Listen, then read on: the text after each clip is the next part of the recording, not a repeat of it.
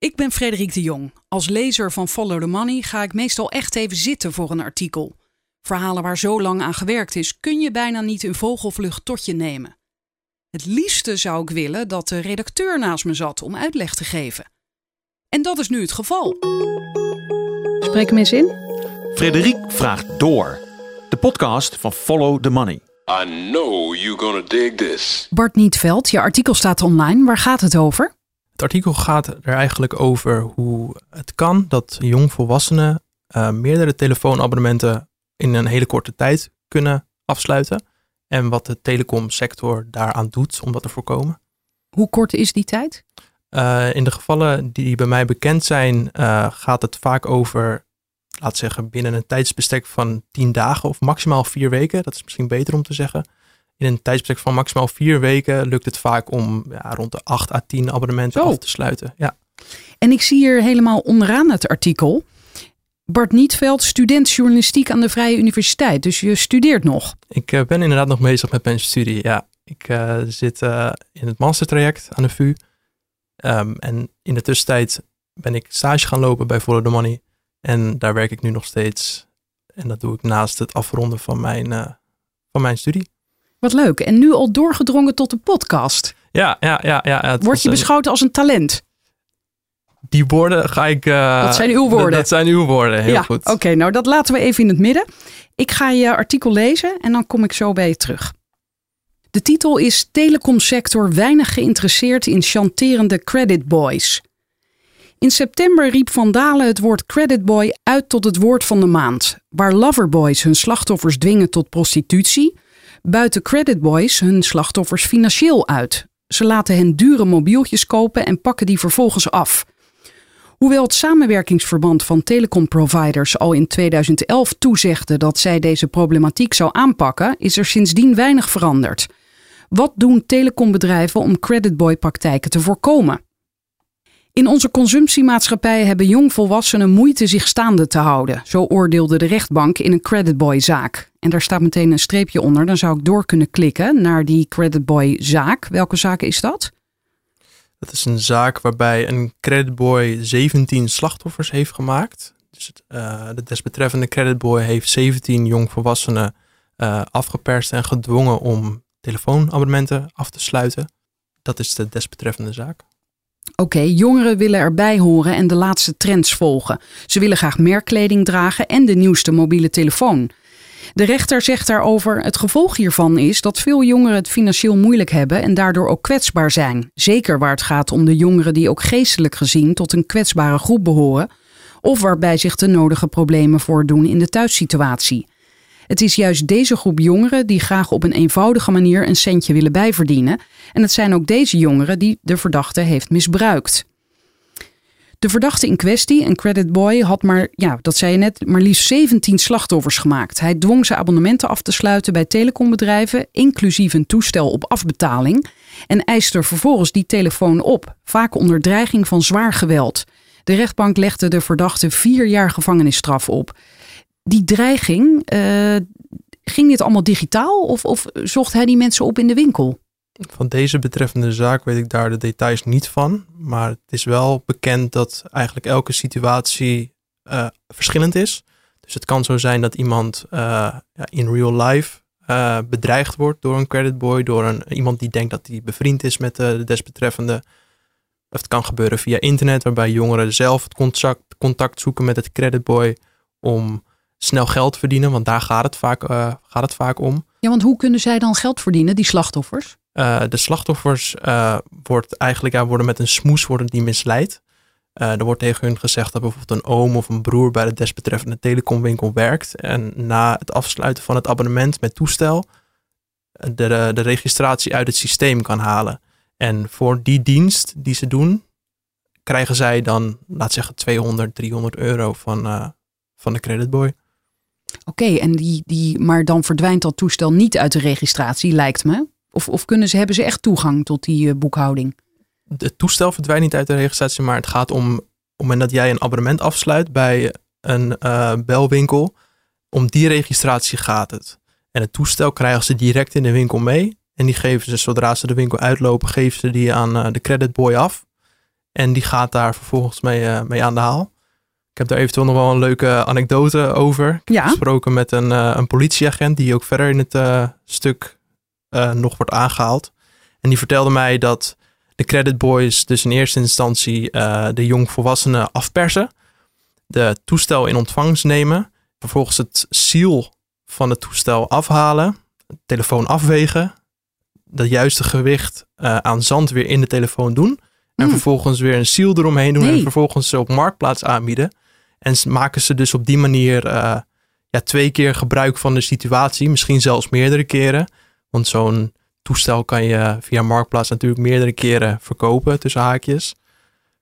Dus op die manier ja, maakt de creditboy meerdere malen gebruik van dezelfde situatie. Het zijn best wel slimme jongens. Het zijn zeker slimme jongens. Eerder besteedde NOS op 3 aandacht aan de creditboy-problematiek. Ze spraken met jongeren die bij dezelfde provider in één dag of week tijd meerdere abonnementen kregen. Hoe dat kan, kon NOS op 3 niet verklaren. Fouten in het systeem zorgen ervoor dat creditboys hun praktijken kunnen uitvoeren. Hoewel de telecombedrijven inzetten op training van medewerkers en voorlichting van jongvolwassenen, is dat onvoldoende om de praktijken te signaleren en te bestrijden. Ja, hieronder staat een kader waar uitgelegd wordt hoe die creditboys te werk gaan. Dat heb je net natuurlijk ook al een beetje aangetoond. Staat hier nog iets extra's bij? Nou, je moet Ehm, vooral eh, rekening houden met het feit dat de slachtoffers het toestel direct meekrijgen in de winkel. Die vervolgens afstaan eh, aan de creditboy. Maar wat er gebeurt is dat het slachtoffer dus achterblijft met meerdere doorlopende abonnementen. Soms wel 6 à 10 tegelijkertijd. Nou, als je naar de, naar de huidige abonnementskosten kijkt, dan zit je al gauw rond de 50 à 60 euro per maand. Nou, doe dat Ook al keer bel je 10. niet. Ook al bel je niet, nee, inderdaad. Dus dan zit je op de 600 euro per maand uitgaande van 10 abonnementen. Nou, reken maar uit hoeveel dat eh, in twee jaar tijd, want zo lang duren de abonnementen vaak.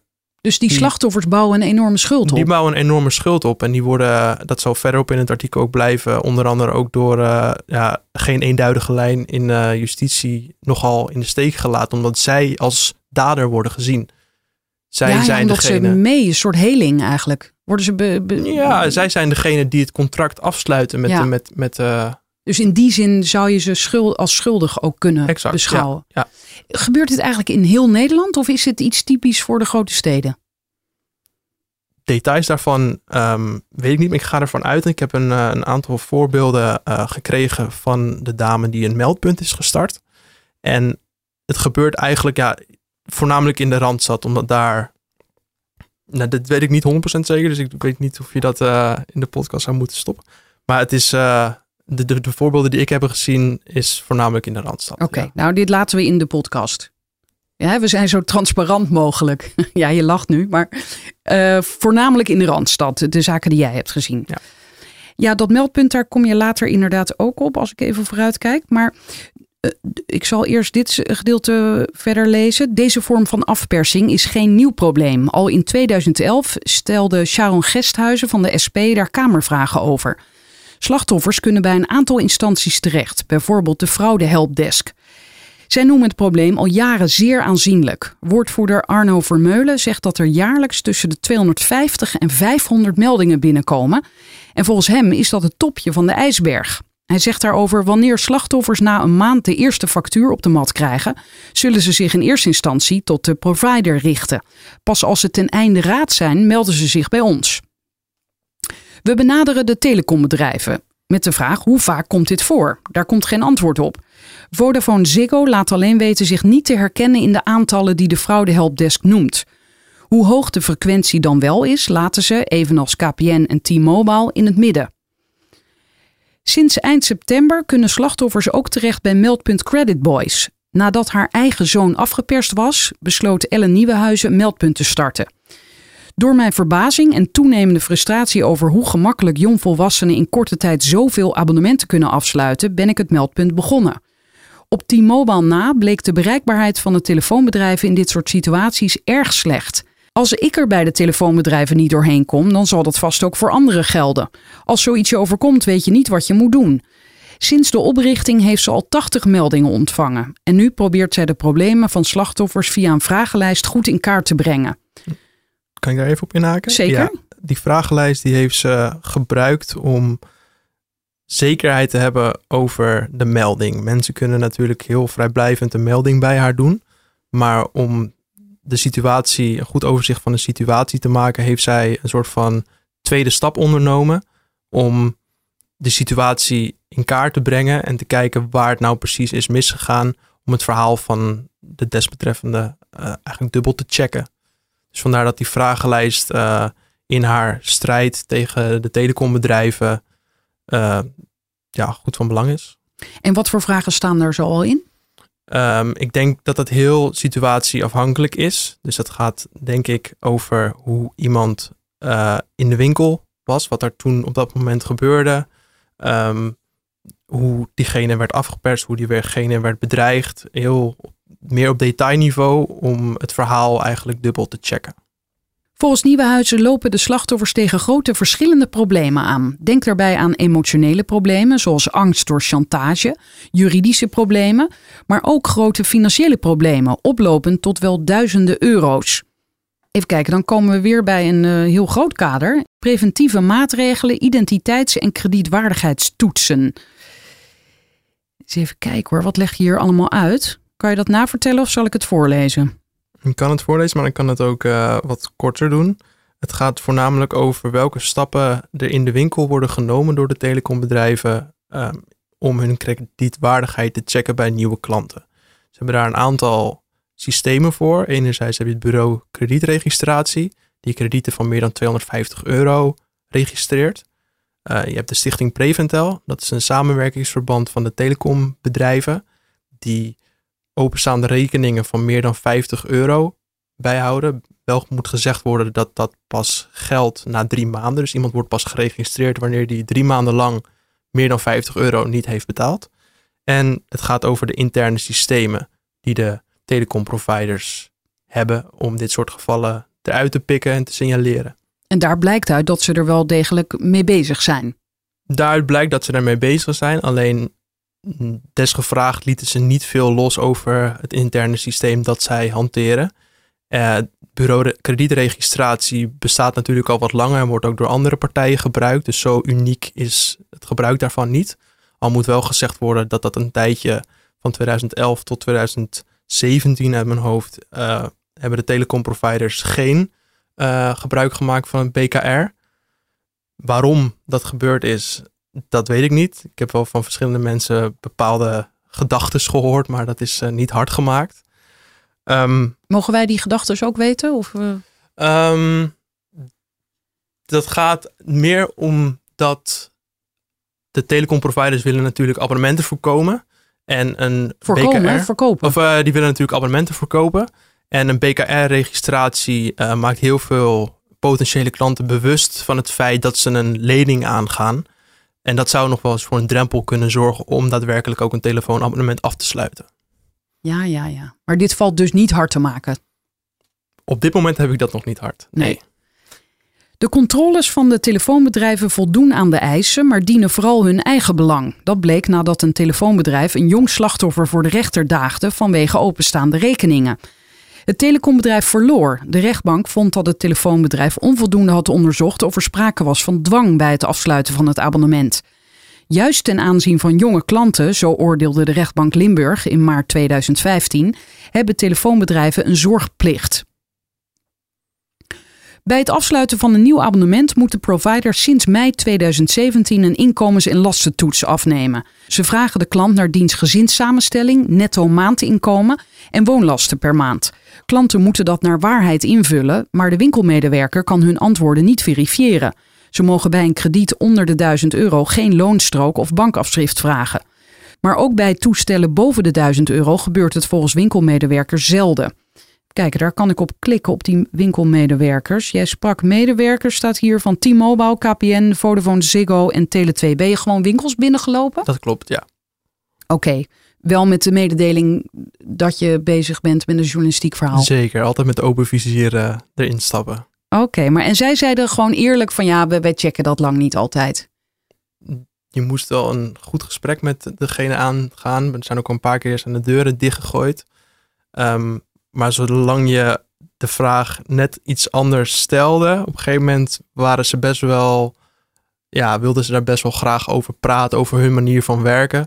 Zeker wanneer iemand al ja, geruime tijd voor telecomproviders werkt en daar dagelijks mee bezig is en heel veel verschillende situaties uh, voorbij ziet komen, willen ze daarover vertellen. Dus daar heb ik uh, geprobeerd op in te haken. En, en hoe eh, voelen zij zich daar bezwaard over? Toen jij daarop doorvroeg, dan hebben ze denk ik toch wel in de gaten dat het misschien niet helemaal kosher is wat ze doen. Wat zij doen? Ja, als zij niet uh, genoeg checken of iemand kredietwaardig is, omdat ze dat toestel van uh, 1000 plus willen verkopen. Ja, dat zal zo meteen het artikel ook wel blijven. Okay. Het komt er meer op neer dat zij niet meer tools hebben om mm. te verifiëren. En, en, vonden ze dat vervelend? Of, of de, de, de, reacties daarop waren verschillend. De ene zei bijvoorbeeld dat ze natuurlijk dat, dat de, de verantwoordelijkheid heel erg bij klanten ligt.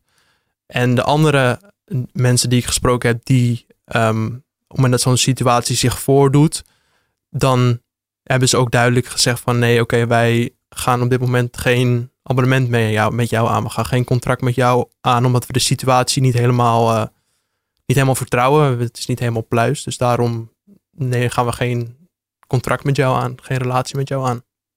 Telecomproviders stellen daarnaast een limiet aan het aantal abonnementen dat klanten kunnen afsluiten. Bij T-Mobile geldt dat klanten onder de 21 jaar maximaal één abonnement kunnen afsluiten.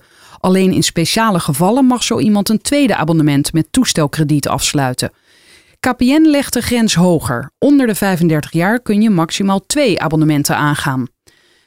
Telecomproviders vertelde FTM in een schriftelijke reactie voornamelijk in te zetten op voorlichting en training van winkelmedewerkers om zo aan de voorkant misbruik te voorkomen.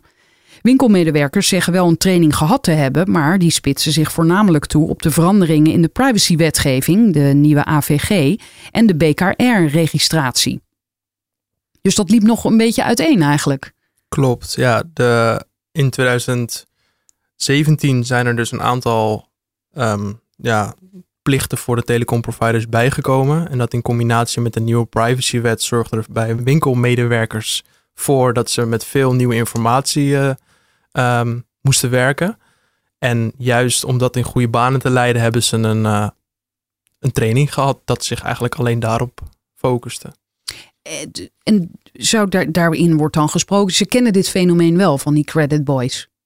Het is bij de mensen bekend, maar dat is voornamelijk uit uh, de praktijk. Dus dat is niet omdat ze dat verteld is vanuit de telecomprovider, maar omdat ze dat zelf daadwerkelijk in de praktijk in hun eigen winkel hebben meegemaakt of zo'n situatie hebben aangevoeld. Dat is eigenlijk jammer. Er zou natuurlijk een training moeten komen waarin wordt verteld over deze praktijken. Ja, goed. Ja, dat, dat, dat zeggen de telecomproviders ook dat ze dat doen. Alleen uit de mensen die ik gesproken heb, blijkt dat eigenlijk niet. Navraag bij verschillende verkooppunten leert dat er weinig is veranderd. Ze doorlopen de inkomens- en lastentoets en de kredietwaardigheidstoets. Van de speciale limiet voor jongvolwassenen tot 21 of 35 jaar zeggen medewerkers geen kennis te hebben. Medewerkers vertellen dat ze vooral leunen op de ervaring die ze in de loop der jaren hebben opgebouwd. Een Vodafone Ziggo-medewerker zegt: zeker de mensen die hier al langer werken voelen het aan hun water als er iets aan de hand is. Winkelmedewerkers zijn wel blij met de bestaande kredietwaardigheidschecks. Mensen die de lasten niet kunnen dragen, worden door het systeem afgewezen. Wanneer ze twijfelen aan het verhaal van de klant, benadrukken medewerkers de gevolgen van een BKR-registratie en dat het toestel een lening is. Veel meer kunnen ze niet. Medewerkers mogen niet om een loonstrook vragen, mogen een klant niet op basis van aannames weigeren en moeten uitgaan van de goedheid van een klant. Die draagt zelf namelijk zijn eigen verantwoordelijkheid, zeggen de medewerkers.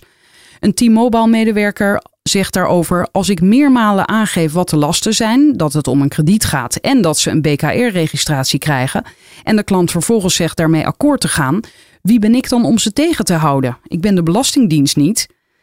Een Vodafone Ziggo-medewerker zegt: iemand weigeren op basis van aannames kan niet. Dat blijft lastig, want we hoeven geen salarisstrook te vragen. De klant heeft ook een eigen verantwoordelijkheid en die krijgt hij ook. Ik heb geen keus.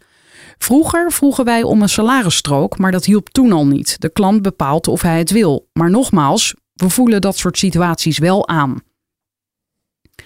Die uitspraken illustreren het onderliggende probleem, het verdienmodel van de telefoonwinkels. Elke maand moeten er per winkel of per werknemer targets worden gehaald.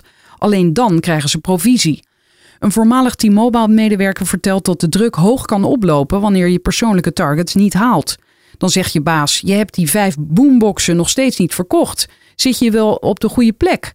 Ik kan me goed voorstellen dat er medewerkers zijn die daar zo door worden opgejaagd dat ze willens en wetens abonnementen afsluiten met klanten waar ze vraagtekens bij hebben. En bij deze desbetreffende medewerker ging het om een medewerker die daar al meer dan tien jaar werkte.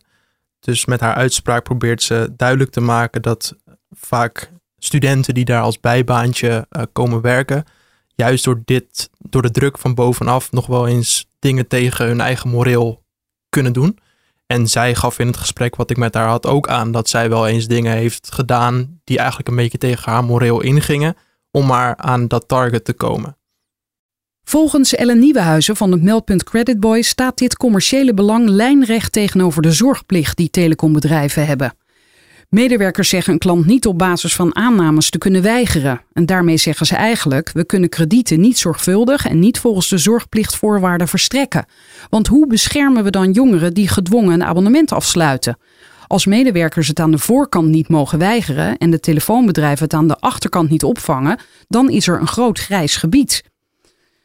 Dan staat er een afbeelding. Wat staat erop? Een overzicht van de afgesloten telefoonabonnementen van het Creditboy slachtoffer. Ja. Wat zien we daar? In 10 dagen is een overzicht, Excel-overzicht, ehm, van 1, 5 januari 2018 tot 15 januari 2018. Daarop is te zien hoe vaak um, het desbetreffende slachtoffer heeft geprobeerd een telefoonabonnement af te sluiten. Dus je ziet dat het acht keer is geprobeerd. En in het vakje toestel zie je staan welk toestel het slachtoffer op dat moment heeft meegekregen. En bij de twee open vakjes is dus te zien dat op dat moment het slachtoffer is geweigerd. Bij oh ja, en die toestellen die variëren in prijs, die zijn allemaal vanaf 700 en meer. Mm Dat zijn behoorlijke bedragen. Maar jij noemt ze ook consequent slachtoffers. Hè? Voel jij niet iets voor het argument dat, het, dat zij ook medeplichtig zijn? Of zeg je van nee, ze worden gewoon zeker afgeperst en dus zijn het slachtoffers? Nou, dat maakt het heel moeilijk. Het maakt, heel, het maakt het heel moeilijk om te bewijzen dat die mensen daadwerkelijk zijn afgeperst. Maar als je een beetje logisch nadenkt, kan je ervan uitgaan dat iemand die net 18 is en zoals je op het plaatje kan zien, zes abonnementen weet af te sluiten met een enorm duur toestel, dat niet uit vrije wil doet. Ik heb zelf. Ja, want wat moet je met acht toestellen in godsnaam? Dat ten eerste. Ten tweede zitten er hele hoge maandkosten aan verbonden. En iemand die net 18 is, kan dat vaak zelf niet dragen. Er zijn natuurlijk uitzonderingen mogelijk. Maar in de meeste gevallen lijkt me dat niet een hele gebruikelijke situatie. Aan de andere kant, als diegene daar niet goed over nadenkt, over die maandkosten, en wel denkt aan de directe verkoop van het toestel. Want mhm. inderdaad, wat moet hij met acht toestellen? Dus kan hij er een paar uh, doorverkopen en daar geld voor vangen. Dan kan het om korte termijn gedachten gaan. Dat zou inderdaad een mogelijkheid zijn. Alleen het, de afbetaling van het toestel blijft wel staan. En of jongeren daar op dat moment rekening mee houden, dat weet ik niet. Maar de kosten voor, dit, voor, dat, voor het toestel blijven doorlopen. Dus de jongeren verdienen dan misschien in een maand enorm veel geld. En geven dat vervolgens uit aan, noem zoals de rechtbank, zoals de rechtbank zegt, aan merkkleding of aan een scooter of aan een auto of wat dan ook. De kosten blijven staan. Dus uiteindelijk zullen, zullen de open rekeningen betaald moeten worden. En wat zegt Ellen Nieuwenhuizen van dat meldpunt er eigenlijk van? Want haar eigen zoon is dit dus ook overkomen, CQ, hij heeft dit ook gedaan. Mhm. Hoe ging dat dan bij hem? Details over haar zoon, daar heb ik het niet over gehad. En dat was meer vanuit haar, omdat er ten eerste eh, een onderzoek loopt. En ten tweede omdat haar zoon niet altijd het credboy slachtoffer wil blijven. En dat ook een beetje achter haar, achter zich wil laten. Okay. En zij neemt eigenlijk een beetje de woordvoering voor hem op zich. Maar de details over, over dat specifieke geval heb ik niet um, naar gevraagd. En dat komt ook mede omdat uh, eh, NOS op 3 in het artikel wat zij hebben gemaakt ook met slachtoffers hebben gesproken. En eigenlijk een narratief van slachtoffer en dader in hun artikel en hun video die ze daarbij hebben gemaakt al heel duidelijk naar voren kwam.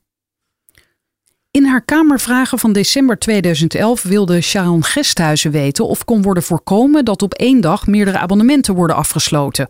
De minister van Economische Zaken antwoordde dat bedrijven verkennen of het haalbaar en effectief zou zijn om Preventel op een adequate wijze aan te vullen met informatie die zaken als afpersing bij telefoonabonnementen en andere vormen van telefoonfraude kan verminderen. Preventel omschrijft zijn taak als volgt: het voorkomen dat personen en bedrijven verplichtingen voor het gebruik van telecommunicatiediensten aangaan die ze niet kunnen dragen of niet willen betalen. Dat doet Preventel door telecomproviders informatie over het betaalgedrag van consumenten te geven. Die informatie moet providers helpen met het maken van een juiste afweging.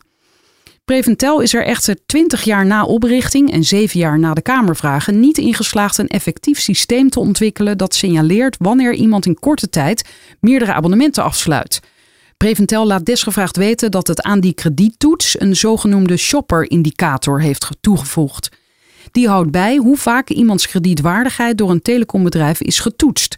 Winkelmedewerkers krijgen echter geen inzicht in die frequentiegegevens. Nee, om daar even op in te haken.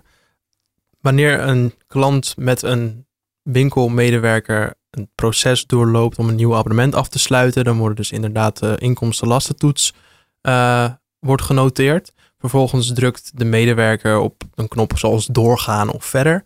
En dan komt er een vakje in beeld dat staat van we zijn nu uw, aanvraag aan het verwerken. Dat kan maximaal 15 seconden duren. En daarna gaat het proces verder. Het proces gaat niet verder of er wordt aangegeven dat uh, meneer of mevrouw um, een, alleen een contract kan aangaan met een lager krediet.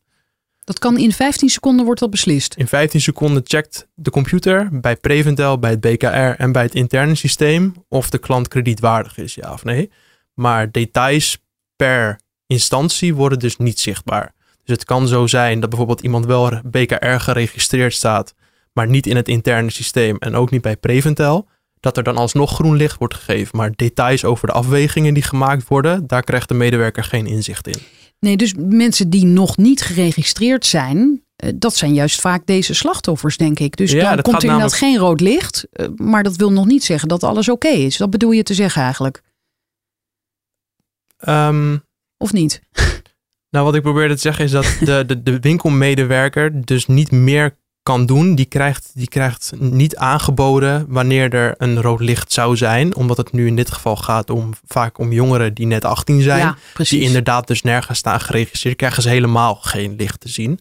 Maar wat uh, Preventel dus hier zegt, dat ze een shopper indicator hebben uh, geïntroduceerd dat bijhoudt hoe vaak iemand gekrediettoetst is. Dus als we even terugkijken naar het Excel-overzicht, waarin iemand, wanneer desbetreffende slachtoffer bij de zevende winkel naar binnen zou gaan, dan krijgt die winkelmedewerker in die Vodafone of die mobile winkel niet te zien dat diegene al zeven à acht aanvragen heeft gedaan. Ja, en dat is nou juist cruciaal. Dat is inderdaad cruciaal. Ja, Ik, ondertussen zit ik me te bedenken, hoe ging dat ook weer toen ik mijn telefoon uh, aanschafte? Ik, ik ben dus ook gecheckt.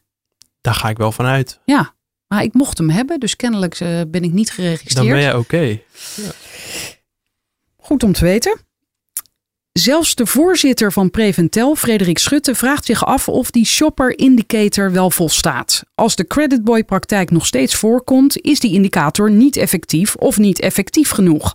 Een telecomprovider moet een signaal krijgen zodat hij weet dat extra controle verstandig is. Maar herhaalde krediettoetsen hoeven volgens hem niet te betekenen dat er sprake is van creditboy-praktijken. Als mensen zich willen oriënteren en kort na elkaar verschillende aanbieders afgaan, wordt er dus meerdere keren getoetst. Ja, dat zijn uitzonderingsgevallen natuurlijk. Dat, zal wel eens voorkomen. Ik heb het in dit, deze, ik had met meneer gesproken en ik heb het vervolgens ook aan uh, verschillende winkelmedewerkers voorgelegd. En Eén iemand heeft mij verteld het wel eens meegemaakt te hebben dat het hele proces is doorlopen. Dus dan ben je twintig minuten met een, met een klant aan de gang, heb je het hele proces doorlopen.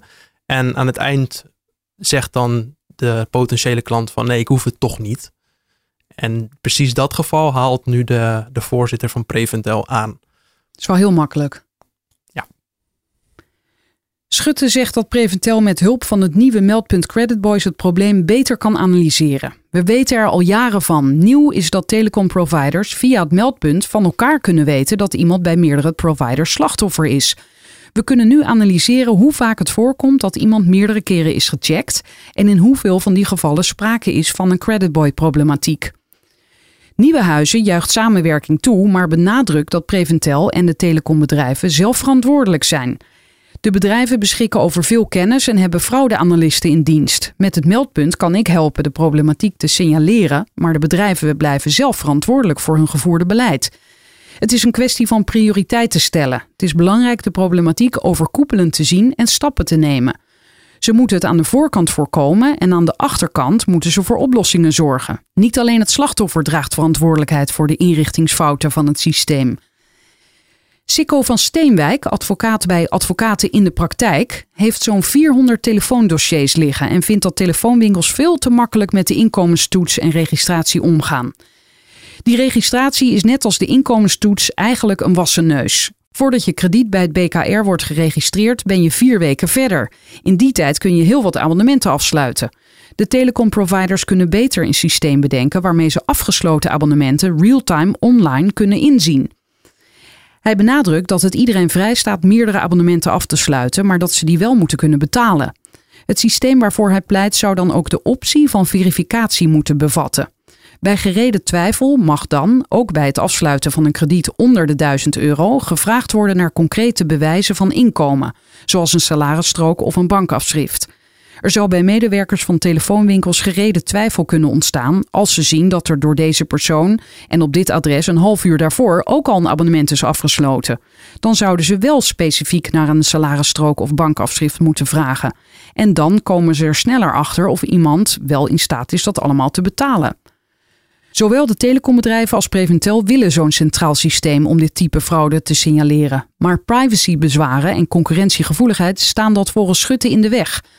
Je mag niet zomaar allerlei informatie verzamelen over mensen die abonnementen afsluiten, om aanvragers daar vervolgens aan te toetsen.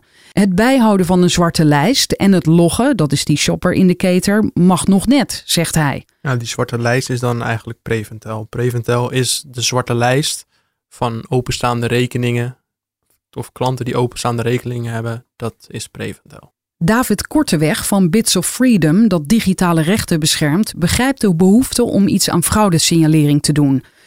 Maar cruciaal is hoe ze zo'n centraal systeem willen opzetten. Ik denk dat de telecombedrijven in theorie de juridische mogelijkheden hebben om zo'n systeem op te zetten. Ze moeten wel rekening houden met hoe dit in de praktijk uitpakt. Onterechte beslissingen liggen op de loer en dat kan grote gevolgen hebben. Mensen mogen niet de dupe worden van zo'n systeem. Vincent Beuren, directeur van Privacy First, verzet zich ook niet bij voorbaat tegen zo'n centraal systeem, mits het privacyvriendelijk is ingericht. Bijvoorbeeld zodat een winkelmedewerker kan zien hoeveel abonnementen iemand heeft afgesloten en binnen welke periode, zonder dat het systeem toont waar en bij welke provider. En verkopers moeten nog altijd het verhaal van de consument afwegen voordat ze een besluit nemen. Ik denk dat dat heel belangrijk is. Dus een systeem kan wel aangeven dat er misschien niet iets helemaal in de haak is.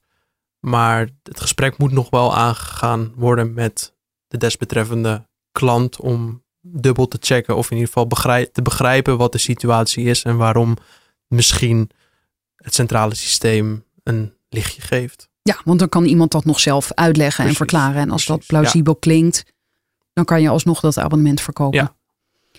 Ellen Nieuwenhuizen ziet wel mogelijkheden voor een gezamenlijke aanpak van de telecombedrijven. Vergelijk het met een douanesysteem waar allerlei informatie in staat. Douaniers vragen informatie op en krijgen groen of rood licht zonder dat de privacy van personen in het geding komt. En anders moeten er andere voorwaarden gesteld worden aan het sluiten van zulke kredieten. Ja, misschien zal de luisteraar zich afvragen waarom de telecomproviders dan of het BKR geen gebruik maakt van het burgerservice nummer. Uh, maar dat mogen ze niet doen omdat ze daar geen wettelijke grondslag voor hebben.